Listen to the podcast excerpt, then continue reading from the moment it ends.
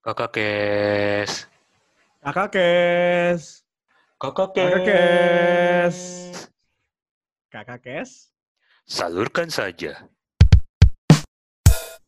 Oke. Selamat datang di Kakak Kes episode berbarengan dengan siapa? Vincent. Eh, coba nama lengkap dong, nama lengkap dong. Vincent Pramana Hadinata. Nah, itu tuh. Mantap. Jadi di episode kemarin yang sama Vincent, itu kita ngebahas mengenai pengalaman kerja dia satu tahun pertama setelah lulus kuliah. Dia kerja sebagai sales, dan sekarang dia pindah haluan nih. Dia udah bukan sales lagi, dia pindah ke ke mana, Chen? Ke Learning and Development. Nah, oke. Training. Hari ini kita kita kali ini akan ngebahas mengenai dunia L&D yang di, di, ditekunin oleh Vincent. Pertama-tama untuk untuk refreshing untuk merefresh juga memori yang sebelumnya. Kenapa sih lu pindah dari sales ke L&D? Nah, Oke. Kenapa gue pindah dari sales dan LD? Seperti yang episode sebelumnya kita pernah bahas, gue pindah karena gue merasa ya, gue udah empat tahun, tiga tahun, empat tahun kuliah gitu, ilmunya gue udah dapet, sayang aja gitu kalau andai kan ilmunya ini nggak kepake gitu. Nah gue pendidikan itu investasi dan ketika lo punya aset berupa ilmu, lo punya keahlian yang nggak semua jurusan punya, lo nggak pakai, sayang aja. Nah ini personalnya gue kayak gitu pendapatnya. Gue bukannya mau, gue nggak bilang orang yang kerja di luar jurusan dia itu salah ya, enggak. Maksud gue pasti setiap orang punya pilihannya sendiri-sendiri dan punya pandangannya sendiri dan gue appreciate that gitu loh. Dan ada kok beberapa orang yang bisa sukses di luar jurusannya dia gitu gue mikir. Cuman gue merasa sayang aja ketika gue ilmu gue ini nggak kepake gitu asetnya lah menurut gue. Kayak gitu mindset gue sih. Makanya gue pindah ke learning and development. Hmm. Nah, itu proses transisi dari seorang sales menjadi seorang L&D. Eh, sorry nih, gue belum kenalin nama gue. Gue host biasa lu, Muhammad Awi Kurniadul. Sorry, gue lupa. Anyway, balik balik lagi. Jadi, nah proses transisi lu dari seorang sales menjadi seorang yang menekuni L&D, itu prosesnya gimana tuh? Jadi pertama, cara pindah kerjanya. Kedua, kok bisa tahu ada lowongan pekerjaan di perusahaan tersebut? Oke, pertama gini, di akhir-akhir kontrak gua tiga bulan sebelum selesai kerja di bulan pertama gua udah mulai nyari-nyari lowongan kerja. Kebetulan ya gue dapat nih lowongan L&D ini di perusahaan yang kedua baru gue ini ya udah gue lamar dong. Waktu gue lamar gue juga udah ngomong ke atasan gua, eh bos, eh gue udah nggak akan lanjut nih di sini lagi, gue akan pindah gue jelasin alasan gue yang sama nih kayak gini karena gue mau coba cari yang satu ilmu lah sama gue gitu lah yang pekerjaannya satu bidang biar nggak sia-sia. Gue bilang kayak gitu. Ya pertama gue dibujuk-bujuk tuh sama bos gue sama atasan gue jangan lah. Gue mereka sampai janjiin jangan pergi nanti gue pasti bimbing lu. Karena soalnya kerjaannya ini lagi padat aja di tahun belakangan ini. Kalau mereka udah Hmm. nggak sepadat ini gue bantulah gitu gue bimbing lu buat kerja. Ya cuman gue mikir oke lah gue dibimbing cuman baik lagi gue punya mindset yang tadi. Eh, cuman sayang sih gue belum pernah ngerasain juga kerjaan yang berhubungan sama bidang gue dan ilmu yang gue pakai masa ilmu yang gue pelajari nggak kepake gitu loh. Ya udah gue bilang ke atasan gue tuh eh ya udahlah bos gue tetap pindah nih kayaknya sorry ya bukannya nggak mau gitu bukannya nggak nyaman di sini. Gue nyaman kok sama orang-orang sini dan sebagainya cuman gue mau nyari yang satu jurusan sama gue waktu gue bela waktu gue kuliah gitu loh kerjaannya supaya nggak Hmm. sia-sia. Nah udah tuh dia ngerti ya udahlah gitu dikasih pengertian dia okein nggak masalah. Mulailah gue proses interview sambilan gue kerja nih di tempat lama gue proses interview itu satu bulan atau dua bulan sebelum gue kontraknya habis gitu. Nah udah interview interview interview kontrak diterima gue udah kabarin ke atasan gue ini udah oke nih di perusahaan baru terus dia bilang ya udah baru deh gue langsung tuh selesai kerja menurut gue ini paling mulus lah gue pindah kerja saya begitu gue selesai kerja di hari Jumat waktu itu gitu ya Seninnya gue langsung udah pi- pindah di perusahaan yang baru ini gitu loh Hmm. Jadi gue nggak ada nunggu kayak orang selesai kerja gitu, nunggu satu bulan, dua bulan itu nggak ada. Jadi gue langsung kayak pada hari kerja biasa gue cuma langsung pindah di tempat kerja lain gitu loh. Hmm. Makanya gue langsung pindah deh gitu di apa nih perusahaan baru ini gitu. Nah, lu lu dapat lowongan itu karena karena apa tadi? Oh, yang mana nih? Yang kedua ya. Yang Yang kedua, kedua, ini gue search search ini di Job Street. Kebetulan Job Street. Iya. Di Job Street ini apa ya? Gue udah ngelamar ke banyak tempat lah yang berhubungan sama jurusannya gue lah pastinya gitu ya. Entah Hmm. rekrutmen, entah uh, learning and development training atau organization and development gitu ya. Yang berhubungan sama jurusan gue psikologi gitu ya. Ya udah, udah lamar 30 40 perusahaan, 50 perusahaan dapat itu ya udahlah. Begitu dapat langsung gue pindah gitu. I see. I see, I see. Dan waktu lu menerima pekerjaan ini, negosiasi apa aja yang lo lakuin sama HR? Prosesnya apa aja? Lempar CV, interview, atau apa? Oke, pertama kan prosesnya itu gue lempar CV-nya itu digital lewat Yes. Street tuh. Mereka Mm-mm. download tuh. Mereka udah baca CV gue dan sebagainya. Gue juga print lagi sih CV gue gue bawa gitu dipanggil interview. Eh pertama interviewnya lewat call dulu tuh. Call dulu gue di interview. Ditanya-tanya kenapa mau jadi learning development dan sebagainya gitulah. Dan banyak ditanya itu lebih ke background gue dulu di perusahaan lama kayak gimana. Ya udah gue jelasin dan sebagainya. Motif gue apa, kenapa gue mau pindah itu gue juga jelasin. Kelebihannya gue dan sebagainya di mana juga gue jelasin. Nah terus gue dites online lewat eh, komputer gitu. Dia ada satu website buat gue assessment rekrutmen orang baru gitu loh. Nah gue coba di tes di website ini. Nah enaknya gini. Eh, ini tips nih. Ketika lu rek lu melamar di satu job yang spesifik di satu job title tertentu. Misalnya gue learning and development. Gue kan punya pengalaman banyak di sales bukannya di learning and development. Tapi semua skill yang berhubungan sama learning and development itu yang harus ditekankan gitu. Itu yang harus dimunculin. Jangan munculin hal-hal yang nggak berhubungan. Misalnya gue kerjain administrasi Excel lah atau enggak gue punya pengalaman? Gue dulu jualan produk apalah? Kalau aneh kan itu nggak berhubungan sama trainingnya jangan itu yang dimunculin. Gue munculinnya yang berhubungan sama training. Oh gue punya public speaking yang baik misalnya waktu gue ngomong sama klien yang gue tekenin malah pengalaman kuliah gue waktu di organisasi yang jadi ketua organisasinya di sana. Gue pernah bawain training di sana itu yang gue tekenin sama pengalaman ilmu-ilmu gue di bidang Hmm. human resource yang gue pelajarin waktu kuliah itu berguna banget akhirnya. Jadinya kepake buat gue jual diri di sana. Itu yang membuat orang melihat oh ya ini orang bener ngerti nih. Paling nggak paling nggak ada basicnya lah mereka ngerti gitu. Itu yang jadi nilai plus jadinya. Oke. karena berhubungan sama yang mereka butuh gitu sih. Akhirnya setelah gue udah tes udah gue isi tuh sesuai dengan kebutuhannya mereka. Terus gue juga diajak interview tuh abis itu langsung ke tempat dia gue kata diajak interview dites langsung sama user dikasih tugas tuh buat survei satu store-nya mereka gitu ada satu store terus gue survei jadi mystery shopper gitu gue present ke mereka apa yang kurang apa yang bisa diimprove dan sebagainya itu tugas pertama gue tuh waktu gue masuk ke kerjaan gue yang kedua ini Mystery shopper udah. ya. Betul. Nah, itu pengalaman menarik lagi sih, soalnya itu lu pura-pura jadi customer, tapi lu sebenarnya ngelaporin performa satu store ke perusahaan itu juga gitu. Dah, ya gue langsung bikin tuh presentationnya. Untungnya karena gue di bidang bisnis. Nah ini kenapa gue bilang aset, ini pendidikannya aset. Soalnya gue punya pengalaman di bidang bisnis. Akhirnya ada satu ilmu yaitu customer service tuh teori customer service yang gue bawain ke eh, apa nih rekruter gue gue evaluasi store ini store-nya ini dengan teorinya itu. Dari sana tuh gue bisa present dengan baik tuh. Hmm. gini apa sih yang kurang? Apa sih yang bisa diimprove? Apa sih yang eh, bisa dilakukan supaya bisa ada improvement dan sebagainya. Dan itu lebih meyakinkan karena gue punya ilmu di belakang gue yang berhubungan sama ini gitu.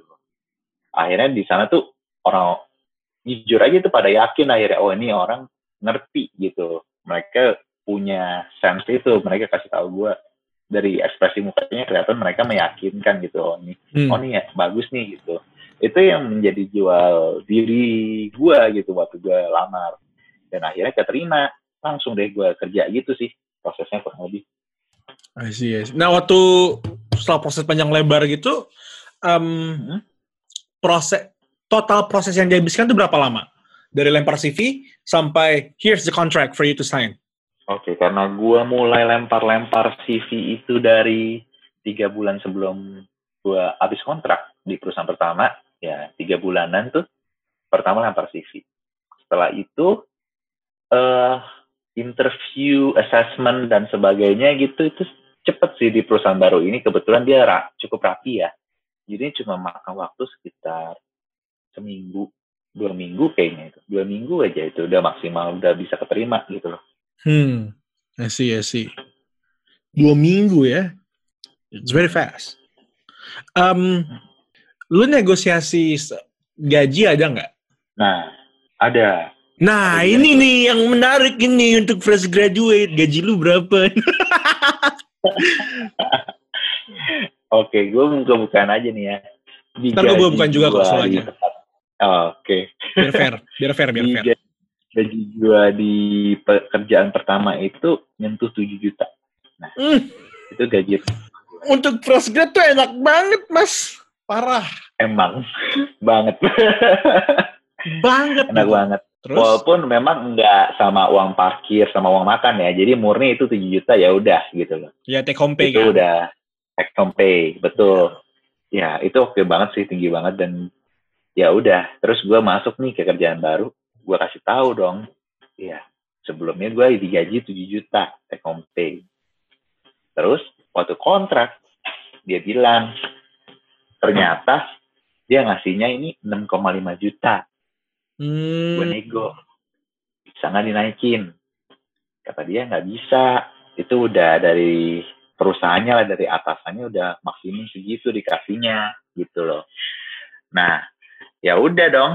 Karena gue mikir oke lah segitu. Tapi gue tanya lagi benefit lainnya apa? Gitu. Oke untungnya benefit lainnya ini yang menurut gue cukup mengcover gue yaitu apa? Parkir gratis. Itu kalau di perusahaan sebelumnya itu bayar parkir sehari itu sepuluh ribu gitu loh. Ya lumayan lah ini parkirnya gratis. Terus mm-mm. makanan di sini dapat tuh siang itu tiap siang itu dikasih makanan. Udah makanan gratis sudah catering gitu. Oke banget nah terus asuransi juga dapat gitu loh. BPJS juga ya pasti sih itu didapat dapat ya BPJS ya lumayan lah maksud gue biaya gua buat ke sana itu lebih kecil dibanding waktu gua di perusahaan lama gitu. Jadinya kurang lebih mirip-mirip lah gitu. Cuma gue cuma turun sekitar 500 ribu kok 6,5 juta gue kan gue mikir sama gue bensin apa segala masih kurang lebih sama. Parkir malah dapat potongan sama asuransi dapat ya udahlah gue pikir benefitnya kurang lebih sama gue ambil gitulah Man, that's good, that's good, that's good.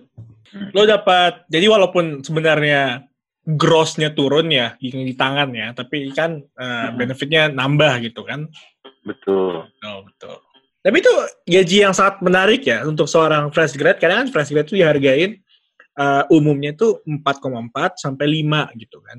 Mungkin sometimes 5.5 gitu loh. Jadi di atas Nah. 6 aja itu udah luar biasa sebenarnya. Berarti kan lu emang dihargai gitu kan. betul betul betul banget sebenarnya cukup tinggi sih di atas rata-rata Mm-mm. caranya gimana buat dapetin gaji yang tinggi itu gue Nah ini nih, ini kayak perlu di highlight nih, cara dapetin gaji yang tinggi. ini, ini semua fresh grad ini langsung denger nih, gila. Terus terus terus. dari pengalaman gue cari yang berhubungan sama trainee-trainee gitu lah. Mau di trainee di bidang apa pun itu menurut gue gajinya cukup tinggi buat fresh grad ya. Eh, misalnya di perusahaan gue, gue gue sebagai account manager atau sales kan. Sebenarnya tapi di lowongan kerjanya itu tulisnya sebagai sales development trainee gitu. Hmm. Dan nah itu yang menjadi apa ya trainee itu kenapa sih per- perusahaan buka trainee? Karena mereka mau keluarin gaji atau cost yang lebih kecil buat dapetin performa yang sama atau menda- mendapatkan satu lowongan atau satu apa ya vacancy yang bisa diisi dengan cost yang lebih kecil gitulah kurang lebih pikirannya si perusahaan. Makanya ada manajemen trainee lah. Ini kalau gue ngikut yang kedua ini gue malah ikutnya learning and development trainee. Gue juga trainee juga dulu. Nah makanya Hmm. gue bisa dapat gaji di atas rata-rata karyawan walaupun memang tidak segede langsung trainer pada umumnya yang udah profesional ataupun manajer pada umumnya yang udah profesional. Kalau Amerika ikut MT ya manajemen training gitu itu tekniknya sih menurut gue cari yang trader ini gitu That's nice, that's nice. Oke. Nah, karena si Vincent udah ngebuka nih, jadi untuk asas keterbukaan juga gue bakal ngomongin hal yang sama. Hmm. Jadi sekarang gue kerja sebagai researcher, eh, associate slash associate di salah satu firma konsultasi di Indonesia di Jakarta, dan gaji gue em, 7 juta sebulan. Hmm. 7 juta sebulan dengan dengan benefit awalnya gue intern tuh 5,5 itu di bulan Maret sampai bulan tiga gue tiga intern cuma tiga bulan doang Maret April Mei. Nah, biasanya masuk Juni Juli gue 7 juta plus uh, there's a bonus 1,5 uh, mungkin ya mungkin there's a bonus kalau misalnya ketahan karena covid dan segala macam uh, ya udahlah gitu lah kayak seven is good. Uh, gue dapat dapat ya kebebasan dan di bulan Agustus gue bakal dapat kebebasan untuk pergi ke berbagai macam coworking spaces karena kantornya bekerja sama dengan GoWork. Janjian nyewa GoWork, jadi gue bisa ke mana aja gitu loh. Di kantor dikasih makan gitu-gitu lah. Jadi kayak, ya, we have it good lah ya, Chen. Dengan gaji segitu. iya itu good lah itu di atas rata-rata udah udah oke banget itu Iya benar. Apalagi apalagi kalau kita ngomongin di dunia COVID ya. Di dunia COVID kan lu punya duit lu punya free money sejuta aja kayak lu punya duit 10 eh, enggak, kayak kayak lima kali lipat gitu loh nilainya. Karena ya everything is different kan? betul betul banget Iya. betul banget. Cash is so precious now, gila. Anyway, ya. Hmm, hmm, Itu asas keterbukaan. Jadi ke Vincent 6,5 dengan segala benefitnya, gue 7 and probably maybe bonus karena gue sampingan juga dari di kantor.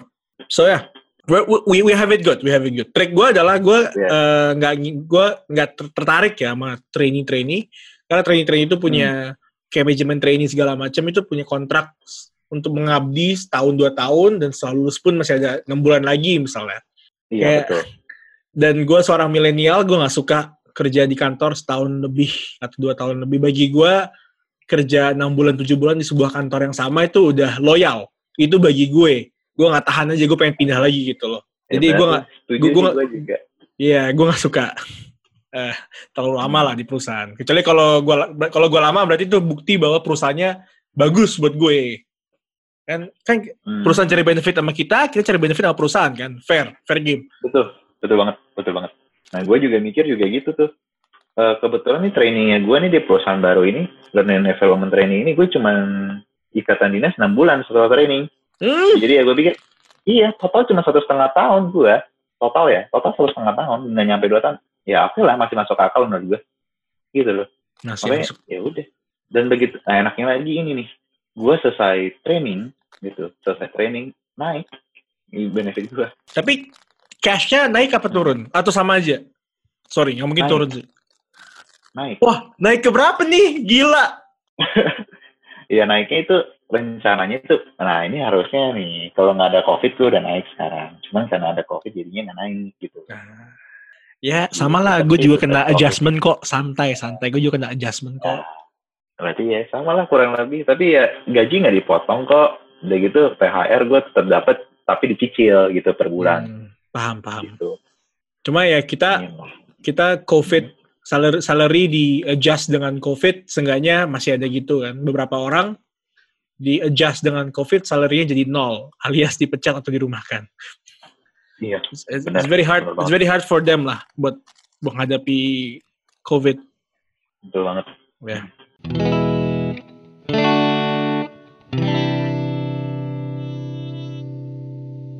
Nah, lu eh, ya untuk para pendengar di luar sana yang sedang berjuang di, di dunia COVID, eh, doa terbaik gue buat kalian bertahan hidup lah. Ya. Oke.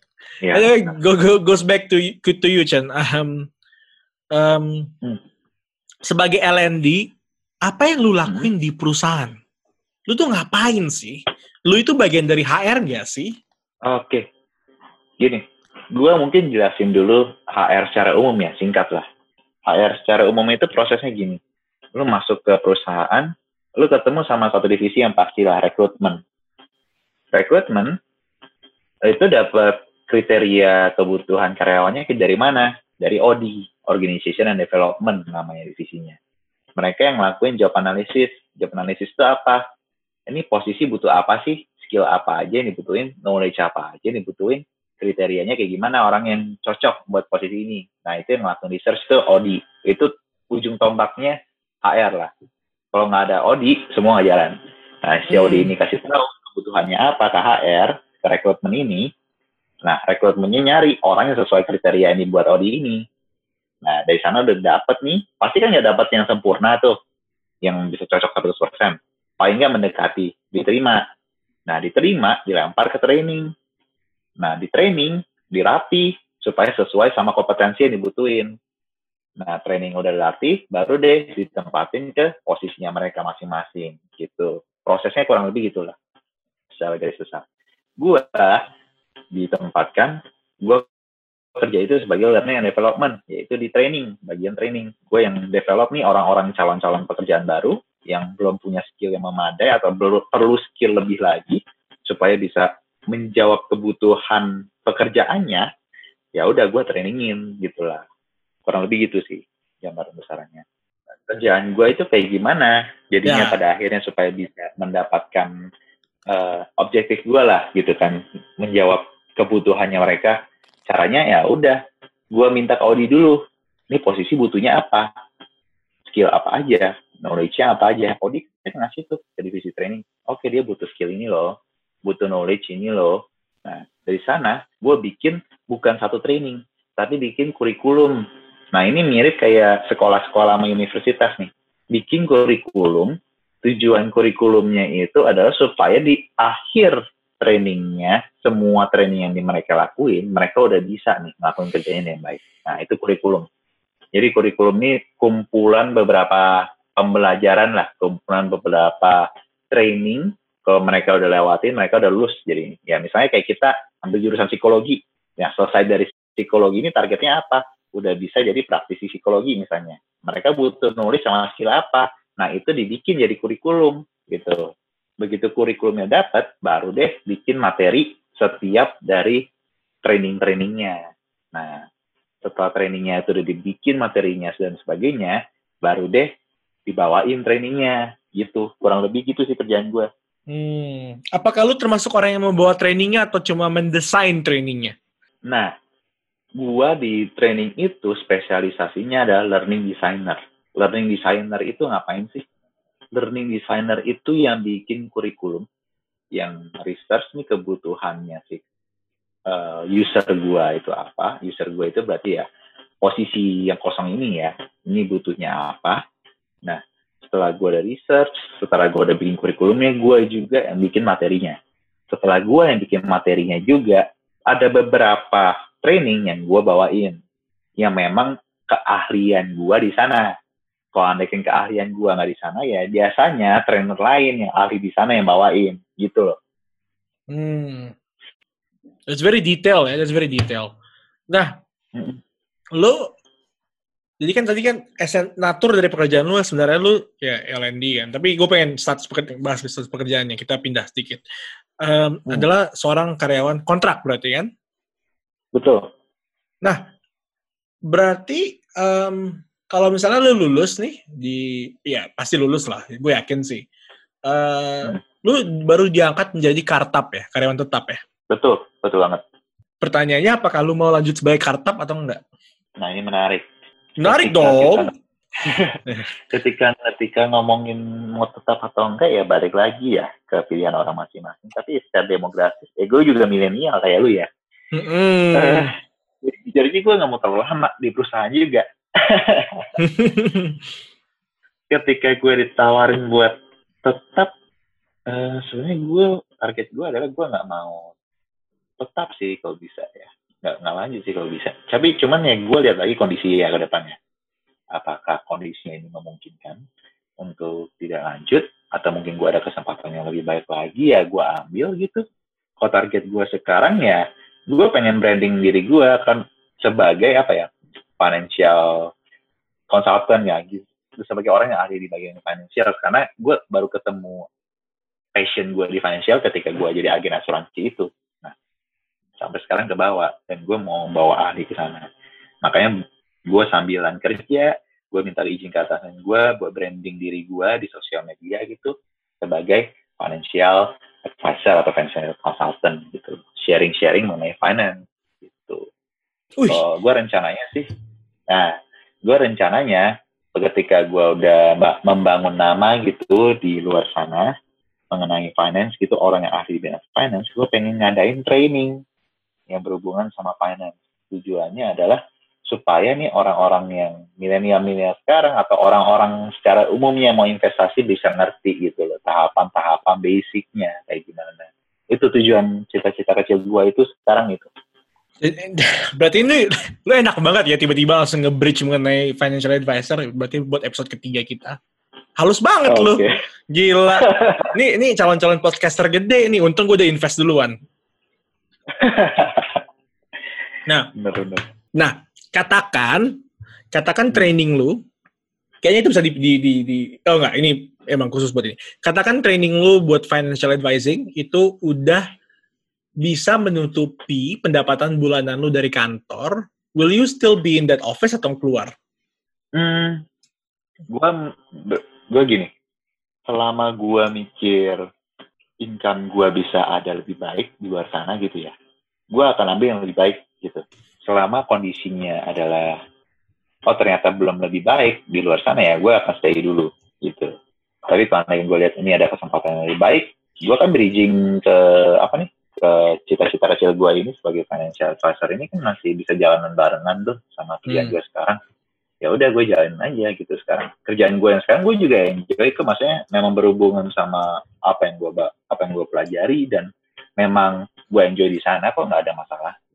Jadi ya gue jalanin dulu aja barengan. Ketika ke depannya nanti udah waktunya udah pas nih branding gue udah ba- kebangun nih sebagai financial advisor ini atau financial consultant ini baru deh pelan-pelan gue mulai beralih ke sana seperti itu sih Hmm. rencana gue ya gitu I see, I see. Pelan-pelan ya. Jadi sebisa mungkin kalau masih bisa ngejalanin dua-duanya, ya lu lakuin dua-duanya gitu kan. betul betul Ya, eh, itu very logical sih, karena jatuhnya saat lu, sa- karena jatuhnya lu sekarang punya dalam tanda kutip penghasilan tetap gitu loh dari gaji lu, salary kan, bukan income tapi salary gitu. And, and it's good karena kalau lu punya salary tetap, lu punya uang tetap masuk ke kantong lu, lu nggak panikan gitu kan. Jadinya lu nggak mikirnya short term, ya kan? Kalau misalnya uang kosong orang pasti cenderung mikirnya short term kan. Perut gua lapar nih, perlu diisi gitu. betul betul banget itu betul Yes. Nah, Eh, itu gue juga kepikiran hmm? kayak Hmm. gitu tuh waktu awal-awal masuk kerja tuh setelah fresh graduate ya gue mikir ya udah penting dapat kerja dulu ya gue nggak mikir sampai jauh kayak gimana gimana sampai gue udah dapet, udah ngerasain ya gaji kayak gimana baru deh gue bisa mikir jauh ke depan seperti apa. Ya tapi gaji itu menurut gue ya kalau anak yang memang belum punya usaha dan sebagainya perlu adalah pemasukan yang pasti paling enggak buat ya ngisi perut kita dulu bener. Kalau anak itu udah keisi baru deh ngomongin jauhnya gimana lah gitu. Soalnya kalau andaikan gimana ya? Menurut gue kalau andaikan gue langsung terjun nih eh, dalam kondisi gue ya gue terjun langsung pergi ke tempat lain. Gue terus mau nge-branding di gue sebagai financial advisor sementara diri gue secara financial nggak baik gue ngomong apaan gitu loh. That's good, that's good. Benar-benar. itu Bener gue secara financial juga harus baik sekarang. Harus sehat dulu secara keuangan paling enggak gitu loh. Utang nggak ada tabungan gue ada dan sebagian besar memang dipakai buat invest itu kan idealnya kayak gitu Mm-mm. kalau ada yang gue nggak arahin diri gue sendiri ke sana gue nggak bisa mengklaim diri gue sebagai orang yang asli dong di bidang finansial gitu I see, I see. That- that's very good opening buat masuk ke episode ketiga, men. Uh, financial advising. Nah, uh, un- untuk merangkum uh, episode kali ini mengenai L&D, uh, bisa nggak lu tutup dengan menjelaskan apa sih seseorang yang ingin masuk ke dunia L&D misalnya? Apa sih yang harus disiapkan? Oke. Apa yang harus dia ketahui? Dan poin penting apa yang telah lu pelajari dalam bekerja sebagai seorang L&D dalam satu tahun ini?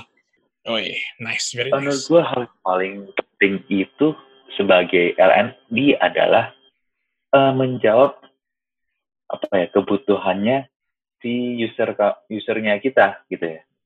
Kalau andaikan kita sebagai trainer kita ngelatih orang tanpa mengetahui ini orang maunya apa, user maunya seperti apa, mereka butuh yang seperti apa, kita nggak akan bisa menciptakan satu orang yang benar-benar bertumbuh atau benar-benar yang impact ke pekerjaannya dia gitu. ya kita kerja semua orang kerja pasti pengen supaya benefitnya naik, pengen supaya bisa diangkat dan supaya bisa naik posisi dan punya performa yang bagus, mereka butuh skill kan. Dan kita perlu tahu dengan baik kerjaannya dia itu seperti apa sebelum kita training gitu loh. Dan kita buat awal-awal nih orang uh, kalian yang penonton-penonton yang eh pendengar-pendengar gitu yeah. yang mau masuk ke bisnis LND, sekarang gue cari tahu dulu nih gambaran besar human resource itu kayak gimana. Paling enggak itu pasti ada kok di internet banyak cari tahu dulu. Uh, menurut gue kunci-kunci yang perlu kalian tahu itu rekrutmen, organization and development, sama training. Tiga itu. Kalau kalian udah tahu tiga itu kayak gimana prosesnya, kalian bisa dapat gambaran besarnya dulu nih. Training seperti apa, rekrutmen seperti apa, prosesnya kayak gimana nih si Odi sampai ke training itu kayak gimana. Nah dari sana baru deh kalian dapat gambaran kerjanya training itu kayak gimana. Gitu. Dan training itu perlu dikasih ditekankan juga nggak cuma mengenai pinter ngomong sayangnya kalian harus pinter uh, mikir juga gimana caranya supaya bisa desain satu experience satu pengalaman satu training yang bisa benar-benar meningkatkan skillnya si pesertanya kita. Itu got it got it. Understandable. Itu ya. Itu closing buat episode kali ini. Alright thank you guys sudah dengerin podcast kali ini. Um, diharapkan ada yang bisa kalian ambil selain dari angka gaji dan cara menaikkan gaji. Ambil yang lainnya juga dong jangan cuma ngomong gaji doang gitu. Um, semoga bermanfaat. Terima kasih sudah dengerin. Sampai jumpa di episode berikutnya. Bye bye bye bye kakak kes? Salurkan saja